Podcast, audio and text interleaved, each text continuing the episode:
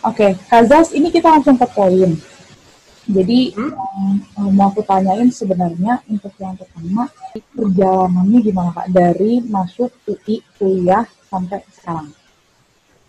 Oke, okay, um, sebelumnya terima kasih juga loh udah diajak um, tanya jawab, bingung banget. Aku aku nggak nggak ini sih nggak pernah kepikiran diajak tanya jawab. By the way, ini yang pertama kali ajak aku tanya jawab tentang whatever it is.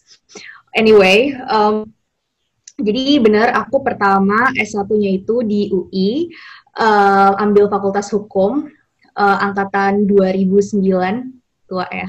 Lulus 2013. Abis itu uh, aku kerja di law firm di salah satu law firm corporate law firm di Jakarta di SCBD. Itu dari tahun 2013 sampai tahun 2017. Jadi kira-kira empat tahun. Terus di selama perjalanan itu aku juga uh, ambil tes pradi. Uh, itu kayak tes uh, profesi gitu buat uh, jadi pengacara yang bisa beracara di pengadilan.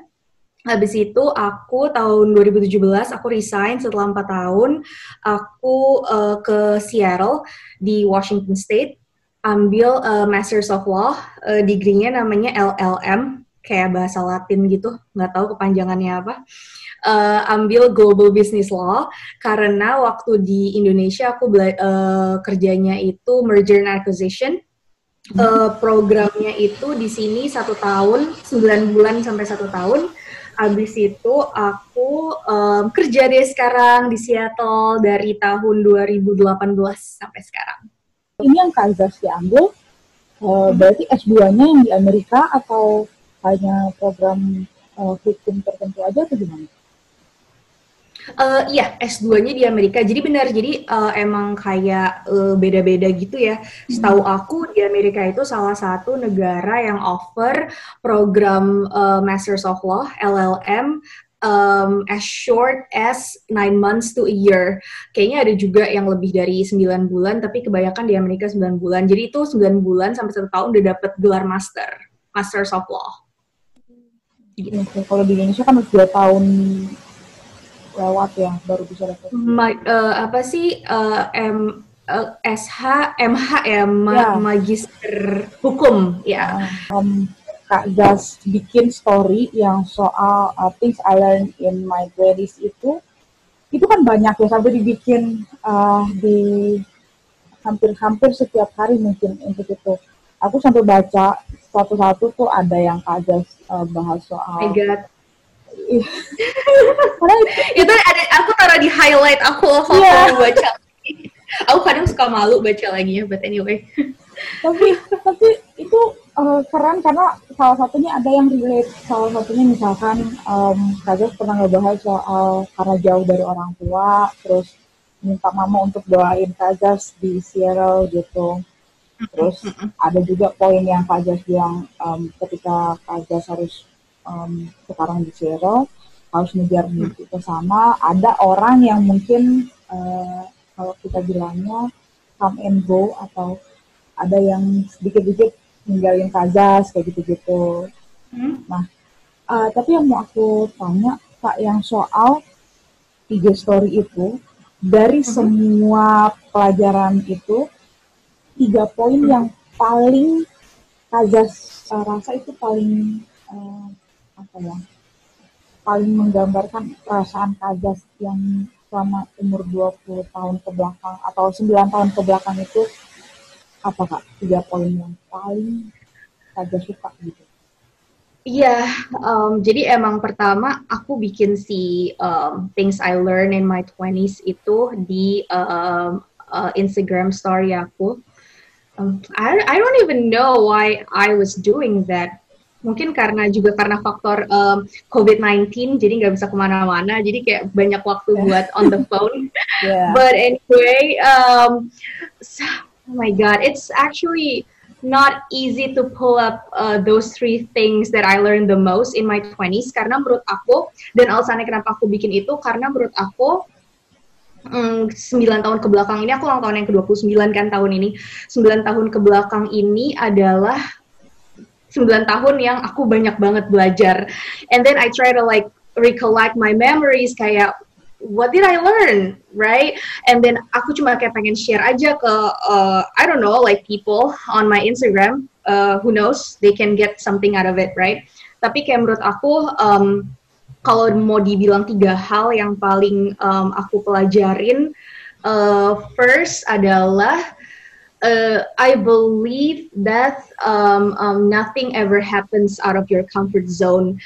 In the sense that um, waktu aku masih kerja di Indonesia di mm-hmm. Jakarta itu tuh my life was very comfortable in a way that um, you know I have a job um, I didn't live with my parents at that time I live by myself but you know if there's anything you know I can just go back home terus kalau ada apa-apa ibu aku bisa samperin aku um, aku punya support system I was born and raised in Jakarta jadi kayak teman aku dari SD, SMP, SMA, kuliah tuh semuanya ada gitu kan. But then, um, and then what? Gitu kan. Kayak, am I actually living my dream? I don't know. Do I actually want to do what I want to do? I mean, I don't know. I feel like at that time tuh kayak uh, apa yang aku jalanin itu ada adalah apa yang society mau lihat dari orang-orang kebanyakan. Kayak misalnya oke okay, society mau kita kuliah. Habis kuliah misalnya di fakultas hukum more likely than not orang pengen kita kerja di law firm. Kayak gitu-gitu loh kayak ada hmm. step-stepnya. And then I was like I don't really think this is what I want to do for the rest of my life. But then I decided to just um, move, not move, like go to the states, dan itu semua comfort zone aku hilang. nah, tapi tapi apa yang aku dapetin sekarang, aku belajar bahwa, well, if I stayed back home, aku nggak bakal be, you know, talking to you right now, sitting down right here, terus kayak sharing what I've been doing, right? Mm. So one first lesson is nothing ever happens out of comfort zone. Um, yang kedua, um, things don't happen overnight. Kayak I really really really really trust that. Because kayak back in the day waktu aku masih umur 21, 22 pokoknya early 20s lah kayak aku ngerasa kalau misalnya uh, aku pengen A, B, C terus beberapa saat setelah aku uh, apa ya kejar gitu aku usahain terus nggak nggak jadi-jadi aku kayak ya udahlah maybe it's not for me. Ya udahlah kok kayak susah banget gitu kayak wondering around gitu kenapa sih ini nggak kejadian? But then I realize kayak emang things especially what you really want just just don't happen overnight. You gotta keep going. Kayak contohnya waktu aku berusaha uh, buat uh, lulus bar exam di Amerika. Um, oh man that was like the most depressing moment in my life. Uh, kayak aku tes dua kali. Yang pertama fail. Yang kedua aku udah kayak mission impossible aja. Kayak ya udah uh, lulus syukur nggak lulus ya udah gitu kan. Hmm. tapi nggak mau juga nggak lulus. Pokoknya kayak berusaha segimana mungkin. And then um, thank God kayak aku lulus with a lot of ups and downs tapi kayak then I realize oh ya udah ternyata bener ya kayak things that we really want itu nggak happen overnight gitu emang there are way there are path of cycles yang kita harus um, go over gitu. Itu yang kedua. Terus yang ketiga, um, I don't know. Uh, actually, I was debating. So there's like these two things. Hold on, which one should I point out? Hmm, Oke, okay, maybe this one karena mungkin uh, yang lain udah udah ambisius ya dua poin yang pertama. Yang terakhir adalah aku pengen kas uh, yang based on my own experience, just simply be good to people. Um, why? Karena menurut aku I do believe kayak kita di we are where we are right now if it's regardless it's me you or anybody else aku percaya bahwa kita nggak bisa ada di tempat yang ada kita sekarang tanpa bantuan orang-orang lain. Uh, regardless you realize it or not or you agree to that or not i think it's just by default you can't just be where you are right now without the help of uh, other people sesimpel kayak teman yang dengerin kita curhat, sesimpel recommendation recommendation letter yang kita dapat dari orang buat kita berangkat S2, sesimpel apa pun itu deh, networking sampai akhirnya kita bisa dapat kerjaan kita, whatever, kayak so kayak it's always nice to be nice to people. Kayak karena kita nggak tahu ke depannya orang itu bakal jadi apa di hidup kita. Itu sih.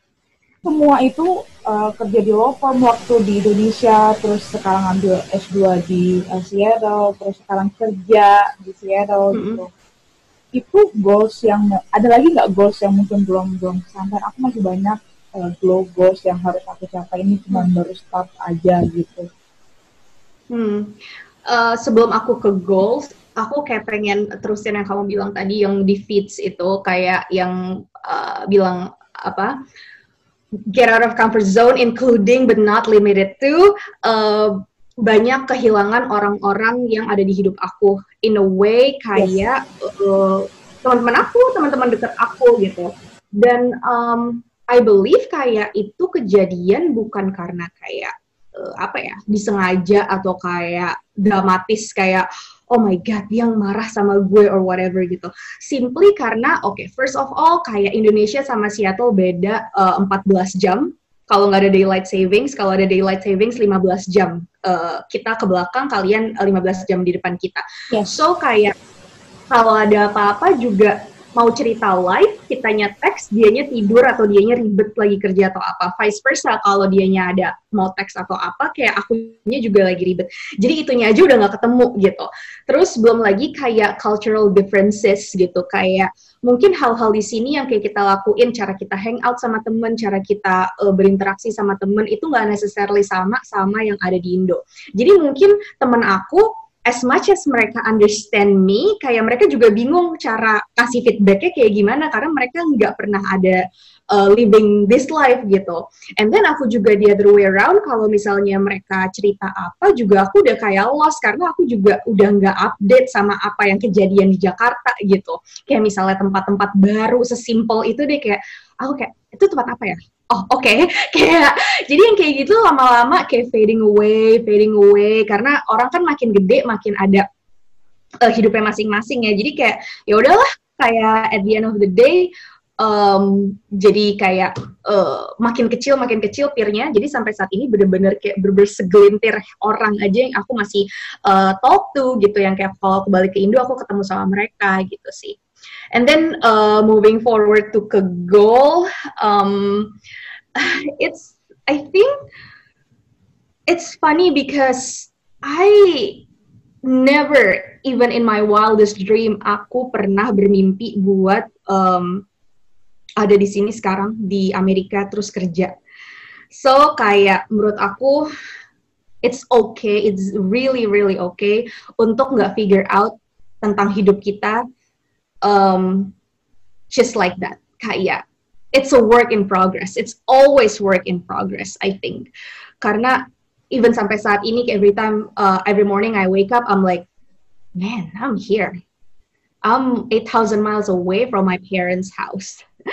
kayak nggak pernah uh, mikirin itu. Jadi kayak kalau kalau ngomongin goal untuk ada di sini aja tuh kayak aku nggak pernah naruh ini jadi goal aku. Tapi yang aku taruh jadi goal adalah kayak I just wanna live the life that I wanna live. Meaning that if I don't feel comfortable doing what I'm doing, I'm not gonna do it anymore. Which aku nggak comfortable anymore doing what I did. Gitu. So kayak kalau ke depannya mau ditanya sama goal, um, mm-hmm. I mean, I don't really have any particular goal, tapi what I can tell is I just want to do whatever in front of me like to the best of my ability. Karena menurut aku kalau kita ngelakuin di apa yang ada di depan kita terbaik dengan dengan usaha terbaik kita akan di ke opportunity yang lebih baik ke jalan yang lebih baik. That's what I believe. Uh, bahwa sebenarnya kita itu harus uh, melakukan segala sesuatu itu ya memang harus uh, total gitu. Nggak bisa yang namanya ya setengah-setengah gitu. Ya udah apa adanya aja gitu. Tapi memang usaha kan tidak pernah membohongi hasil. Orang-orang kan banyak yang bilang gitu. setuju. Oke okay, I need to move. Aku harus ke ngejar S2 aku di Amerika, aku harus berkarir di sana dan uh, Kak Zaskia memprepare semuanya itu dari Jakarta. Yang bikin Kak Zaskia tuh yakin untuk ngambil poin itu tuh apa?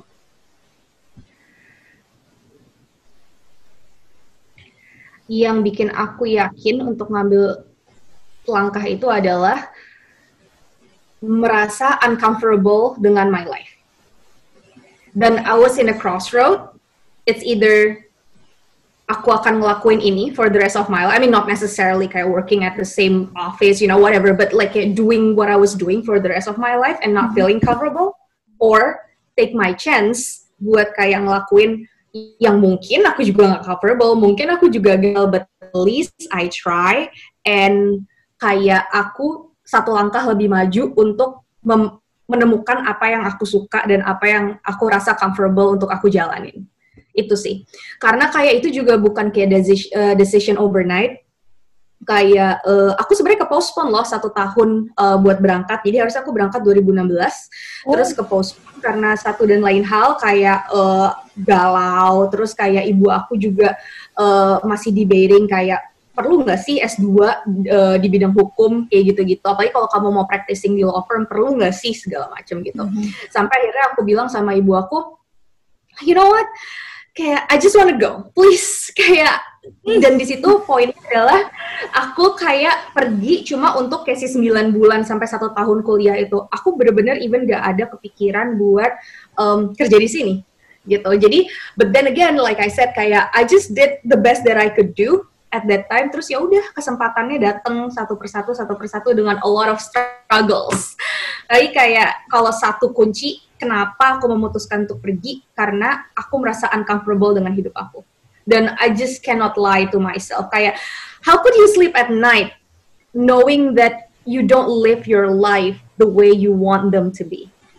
That's the thing in my head at that time even now. Kayak gitu the moment when I feel uncomfortable about something kayak I try to figure out what makes me uncomfortable gitu dari sisi orang tua mungkin kayak merasa takut nggak bisa uh, ngecek tiap hari, nggak bisa make sure anaknya baik-baik aja gitu. Well, tapi itu udah kita udah udah udah udah nggak di fase itu. Sekarang aja sudah kerja di uh, Sierra, udah kerja. Kalau untuk yang sekarang berarti masuknya ke law firm juga atau gimana Kak Jas tempat yang sekarang? Iya, aku di law firm juga. Tapi aku mau balik lagi ke uh, statement yang kamu bilang, itu benar banget sih. Kayak ibu pasti khawatir namanya juga ibu gitu kan dan hmm. sampai sekarang ibu aku masih khawatir but kayak uh, kayak karena aku udah dua setengah tahun di sini dia udah lihat kayak apa yang aku lakuin dan aku lakuinnya bener gitu jadi kayak dia pelan pelan udah agak lebih percaya tapi beneran kayak sebelum aku pergi pun uh, dan sampai aku masih di sini tuh kayak gimana ya yang namanya ibu kayaknya sampai kapan pun bakal worry terus deh sama kita not gonna lie jadi kayak itu masih sampai sekarang dan yang kedua menurut aku financial sih itu harus dipikirin banget gitu jadi dan sekarang kan banyak banget ya channel-channel beasiswa dan itu bisa dieksplor banget sama mungkin yang um, orang tuanya nggak mau ngasih uh, financial support 100% atau mungkin nggak semuanya kan kayak uh, punya budget buat ke uh, luar negeri gitu regardless uh, which country karena mahal. Um, jadi kayak financial options itu juga mesti dipikirin kayak gitu-gitu. Terus um, ya aku sekarang kerja di law firm juga sama kayak waktu aku di Jakarta. Mm -mm. Uh, pemandangannya di sana tuh beda nggak nggak gedung-gedung tapi kalau kayak lebih ke back to nature gitu enak ya orang kan pasti mikirnya enak-enak-enaknya aja gitu tapi pasti mm. Kazas punya uh, poin satu titik uh, Kazas harus uh, mengalami tantangan paling berat yang uh, Kazas harus alami sendiri karena nggak ada nggak uh, ada orang tua di sana benar-benar cuma Kak Azza sendiri gitu. Dan Kak Azza harus melakukan itu sendirian. Cari masalah jalan keluarnya sendiri cari uh, oke okay, aku harus ngapain uh, apa yang nggak boleh aku lakukan gitu selama di sini. Ada banget. Kamu ngeliat aku sekarang uh, pakai bulu mata senyum-senyum. Oh my god six months ago. I wasn't like this at all. Nggak usah ke six months ago. So kayak long story short kayak misalnya ini sih yang mau aku kasih tahu. Jadi ketika pun kamu kayak berangkat ke luar negeri mana pun itu menurut aku kayak hmm. kamu harus uh, udah lebih tahu kamu tuh mau ngapain. Mau di sana 9 bulan aja, mau di sana buat kuliah aja terus pulang atau apa. Aku emang originally mau ke sini, mau kuliah aja terus pulang kan. But then um, halfway through, nggak sampai halfway through, aku kayak switch my plan kayak oke, okay, I I want to try to work here. So I switch everything. Jadi kalau kamu lihat teman-teman kita yang uh, kuliah, let's say I di Amerika gitu ya. Uh, spring break ke mana, winter break ke mana, summer hmm. break ke mana, you know, okay, it's very fun. It it looks so much, um, you know, like fun. Mm. I didn't do that at all.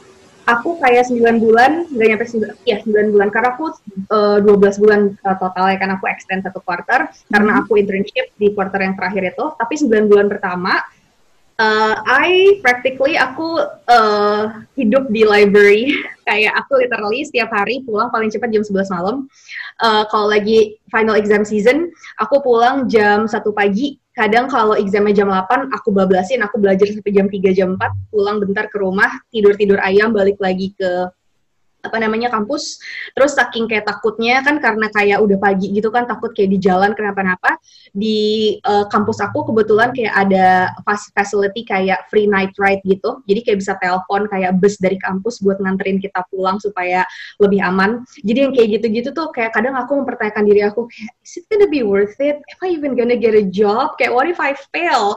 Kayak might as well aku spring break kan might as well aku kayak winter break kan summer break kan gitu kan tapi thank God kayak it's worth it. Jadi itu satu waktu aku di di kampus itu aku udah kayak berusaha dari situ kayak zaman-zaman uh, pas mau break tuh kayak cari-cari internship segala macem. Di saat orang-orang kayak ke kota lain ke state lain buat liburan kayak aku enggak oh my god dua dua setengah tahun di sini aku mungkin baru ke dua tiga state kali. Itu pun setelah aku lulus. Abis itu uh, yang kedua ini yang paling sih among other events in my life, this is the most depressing uh, phase in my life. Itu waktu aku ambil bar exam aku yang kedua. Kayak itu di mana aku di sini sendirian, nggak ada siapa-siapa. Terus orang tua aku juga udah bilang e, intinya lo kan udah coba bar exam satu kali uh, ya udah kalau nggak keterima ya udah berarti emang bukan rezeki pulang aja toh di Indonesia juga udah jadi lawyer bisa cari kerja di Indonesia kan mm-hmm. terus intinya kayak orang tua aku juga udah nggak support lah karena udah it's too much and then it's not cheap it's expensive to take the bar exam terus at that time juga karena belajar bar exam nggak bisa kerja karena harus jadi belajar bar exam itu adalah satu setengah bulan sampai dua bulan duduk kayak orang kerja 8 jam setiap hari belajar mm-hmm straight up Senin sampai Minggu. Terus um, aku di situ putus sama pacar aku uh, oh, satu setengah tahun. Uh, pokoknya oh my god, my world turn upside down. Tapi kayak itu kayak split second, nggak split second sih, overnight kayak I thought to myself kayak aku aku udah almost banget give up kayak aku udah kayak ya udah hmm. pulang aja oh terus visa kerja aku juga lagi nggak jelas pada saat itu kan hmm. tapi and then I decided not to karena aku tanya sama diri aku sendiri lima tahun dari sekarang kalau misalnya aku sit down ya, I was imagining myself lima tahun dari sekarang I would be around 34 and then you know if I'm lucky enough I'm gonna get married I'm gonna have kids and then I'm looking at my kids playing in the yard and then mm. I thought to myself okay you know what five years ago, if I did take my bar exam for the second time and I did pass, who knows, right? Um, would I still be living the same life the way I'm living right now? Would I regret the what I didn't do back in the day five years ago? And I was like, boy, yes, I'm gonna regret that. Jadi at that time, abis itu aku decide, nope, I have to finish this. I have to do this. If I didn't, if I'm not gonna pass if I don't pass. It's okay. At least five years from now, ketika aku tanya diri aku, it's okay. I did my best. I can tell that to myself. But kayak intinya adalah that that moment kayak itu switch everything. Even kayak aku masih sedih putus segala macam. Man, that was like one of the uh, worst heart uh, break in my life. Uh, but kayak I put that aside karena kayak I know kayak I'm here for school, I'm here for myself, for my career, so I'm gonna finish what I started. Kayak that moment.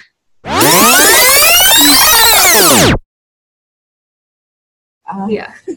Aku pernah uh, aku pernah lagi uh, ingat banget aku that particular time. Aku belajar sampai jam 3 jam 4 pagi. Uh, pacar aku waktu itu aku masih sama dia, dia lagi di rumah sakit. Terus aku kuliah uh, ujian jam 8 pagi. Jadi aku pulang jam 4 jam 5 tidur tidur ayam jam 8 ujian. Badan tuh udah kayak melayang gitu kayak zombie. Uh, ujian ujian ujian ujian. Abis ujian langsung ke rumah sakit nemenin dia but I didn't post it on Instagram because kayak that's just like the one of the things that you gotta deal with yourself menurut aku kan jadi pikirkan lagi kalau mau S2 ke luar negeri, sanggup nggak tuh kayak lapar? Aku pernah ya kan kita normal uh, biasa banget kan di di di Indonesia tuh ada mbak gitu kan. Kalau di sini ya ampun. Orang yang comfortable aja yang kayak punya uang aja, mereka nggak punya uh, pembantu gitu di sini. Jadi kayak beda banget. Jadi kayak aku udah kebiasaan ada mbak. Jadi kayak kalau lapar tinggal panggil mbak kan. Hmm. Sampai di satu titik aku hidup di sini kayak oh my god, gue lapar banget. Ya udah jam 11 malam ke dapur kayak goreng telur. Karena nggak ada lagi yang bisa gorengin kita telur. kayak harus sendiri. kayak hal-hal kayak gitu atau kayak ke groceries kayak kan bisa dibelanjain mbak atau kalau kayak kita ke, ke kita bisa gojek go whatever yes. itu kan. Kayak di sini nggak ada ada sih tapi harganya sekali beli kayak 20 dolar 20 dolar 25 dolar. Sementara kalau groceries 20 dolar itu kayak bisa buat seminggu setengah atau kayak dua minggu bahkan seminggu dua minggu setengah. Yeah. so kayak ya itu itu nggak ada di Instagram so kayak ya. Menurut aku intinya kalau mau jadi orang yang lebih baik dari diri kita sebelumnya hmm. itu butuh kerja keras regardless di mana kita di mana pun kita. I I never really share this to anybody actually. So this will be like the first platform that I'm sharing about my goal at least for the for for for three years five years from now. So um so long story short I think I'm gonna stay here um, um, for a while karena uh, kantor aku they're taking care of my work permit, so I'm gonna stay here, stay put. Um, and then um, aku pengen banget karena aku ngerasa yang tadi aku bilang di salah satu poin aku aku bilang kita tuh ada di mana kita sekarang karena orang-orang tuh bantuin kita. So aku pengen banget punya kesempatan buat kayak bisa bantuin teman-teman yang ada di Indonesia yang mau kepikiran buat uh, kuliah di luar negeri. Gimana pun aku bantu ini salah satunya kenapa aku mau ditanya jawabin kayak gini. Um, karena kayak menurut aku ini bisa jadi salah satu platform, salah satu cara untuk aku menyampaikan pesan pesan aku gimana sih supaya aku bisa nyampe sini gitu. I'm in a way kayak mau inspire orang kayak menurut aku aku jauh dari kata inspiring tapi um, hey you can learn from me gitu. That's that's that's what I want I wanna do more in the next two three years gitu. Karena menurut aku banyak banget potensi-potensi teman-teman di Indonesia yang bisa lebih lagi cuman nggak tahu aja caranya gimana atau kayak nggak nggak dapat banyak informasi. So kayak I mean feel free to ask me I don't know like my Instagram is kind of private but I mean I don't know you can email me I don't know whatever. But itu abis itu kerja abis itu um, I think this sounds very vague, very kaya bizarre, but I kind of want to establish my root here in um, Seattle, meaning that kaya I tell you this, oh, this is very weird. If you are born and raised di one place, kayak kita born and raised di Jakarta gitu kan. Mm-hmm. Terus when I was 26, I just moved here mm-hmm. and I've been here ever since. Um, aku ngerasa kayak too foreign for here tapi at the same time I'm also too foreign for home karena kayak aku udah nggak punya banyak teman segala macam jadi kayak aku pengen establish kayak my root here supaya kayak aku bisa ngerasa lebih kayak homey di sini. Itu sih kayak plan aku ke depannya itu dulu gitu. Um, and then other than that uh, I don't know just see how it goes. Itu sih. Uh, mungkin ada uh, bukan quotes ya tapi kalimat uh, yang mau Kaja sampaikan ke um, orang gitu terkait dengan uh, tadi yang kita bahas tentang uh, karir atau mungkin um, it's like a dreams mungkin untuk orang-orang uh, kalimat yang untuk mensupport orang-orang pada saat ingin mencapai uh, mimpi mereka gitu ada mungkin hmm. like I said, I don't think I'm inspiring enough, but this is just one sentence that I keep in my head. Itu adalah if you are going through hell, keep going. Seriously, kayak kalau kamu kayak lagi ya kalau kamu kayak lagi ngerasa kayak lagi jalan di neraka gitu ya, kayak semuanya merasa uncomfortable, nggak enak, nggak nyaman, kayak kamu nggak mau ada di sini lagi, you know what? Keep going. Karena kalau kamu diem, ya ya udah bakal nggak nyaman terus. Tapi kalau kamu kayak keep going, kayak at least it's either, you know, eventually you you will get out, ya kan? So kayak the only way you can get out is just to keep going, because sometimes kayak buat going back itu kayak it's too far kayak you don't even know how to go back gitu jadi ya keep going aja itu sih kayak dan satu lagi do not compromise your um, how you sleep well at night. Meaning that kayak menurut aku kayak aku sering banget ditanya sama orang gitu ya. Not gonna lie sering banget ditanya sama Tinder dates kalau lagi ngedate gitu. Kayak oh my god what is your goal in life? gitu kan. Terus you know what? Kayak my goal is to sleep well at night. And they were like are you serious? Yes. Karena menurut aku kayak to be able to sleep well at night is not easy. Especially when you're grown up like us yeah. man when i was a baby when i was in elementary school when i was in junior high school middle school high school i was like i slept like a baby like right now for me to be able to sleep at night, I gotta make sure that I do my affair during the day well, meaning that kayak I know what I'm doing. So kayak maksud aku intinya adalah you know, just just make sure that you can sleep well at night. Make sure what you do in life makes you be able to sleep well at night. Itu sih. Karena menurut aku ketika kamu udah bisa sleep well at night, meaning that kamu udah nggak ada anxiety, kamu udah nggak ada less worry in your head so that you can sleep well. So oh. it's as simple as that, but it means a lot. Uh, oh my god, no, no, oh, I don't even know how to pronounce China, Noir China, Noir China. I don't know. Ada di Twitter dia bilang um, penting gak sih bikin nulis to do list on weekly basis.